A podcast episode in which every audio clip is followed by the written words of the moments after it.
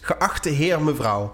Al menige jaren vergaap ik mij boven de vitrine van mijn favoriete cafetarium aan het ruime scala aan snacks. En kan ik me telkens weer verbazen over de vindingrijkheid van de snackindustrie. Na onderzoek gedaan te hebben voor mijn podcast Loos, blijkt de door mij zo geliefde snacksector naast vindingrijk ook een hele dynamische wereld te zijn. Van smulrollen tot kipcorns en van macho's tot de mythische boerenbrok. In het universum der snacks heerst de regel: gekker dan de werkelijkheid kun je het niet bedenken. Althans, dat dacht ik. Tijdens mijn onderzoek kwam ik tot de conclusie dat veel snacks variaties op elkaar waren. Als waren het klaversymbol variaties van Bach. Net anders genoeg om het een nieuwe naam te geven, maar toch te similair om het te laten gelden als een op zichzelf staand product. Ook zag ik kansen die naar mijn mening zo voor de hand liggend waren dat ik me niet kon voorstellen dat het er nog niet was. Ik ging met mijn innovaties en ideeën de, de lokale cafetaria af en stuitte daarop verzet. De door mij zo geliefde snackwereld, waarvan ik dacht dat deze zo open was, bleek, bleek oogkleppen op te hebben en zijn kop in het zand te steken als er iemand eindelijk zijn kop boven het maaiveld durfde uit te steken en met goede ideeën op te proppen kwam.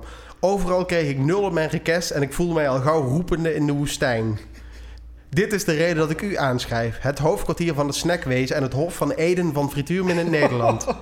U bent mijn laatste strohalm. Graag wil ik mijn gedachtegang dan wel innovaties met u delen. Is het niet vreemd dat wanneer men het stadium der volwassenheid bereikt... er nauwelijks meer plezier uit de kleine dingen gehaald mag worden? Er wordt gefronst op een volwassen man met een ballon... en moet de meest grote auto voor de deur staan. Zou de wereld niet een mooiere plek zijn als we weer durven te genieten van de kleine dingen... Toen ik kind was, kreeg ik wel eens een kindersurprise ei. Het chocola was niet van hoge kwaliteit, maar het prulletje dat erin zat. En de verwachting bij het openmaken van het plastic ei was prachtig. Wat is er nou mooier dan deze kinderlijke verwondering terug te brengen naar de volwassen wereld middels een snack? Een bitterbal met daarin een speeltje.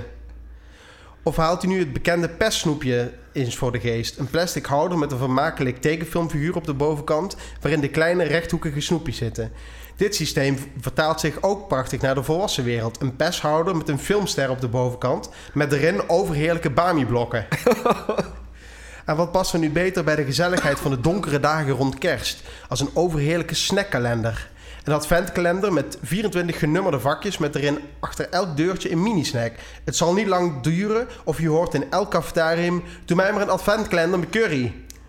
Waarschijnlijk zult u nu, net zoals ik, vol van verbazing zijn... waarom deze producten nog niet gerealiseerd zijn. En ziet u ook de mogelijkheden van mijn ideeën in. Mocht u interesse hebben in meer van mijn ideeën... of heeft u verder nog vragen, sta ik u graag te woord.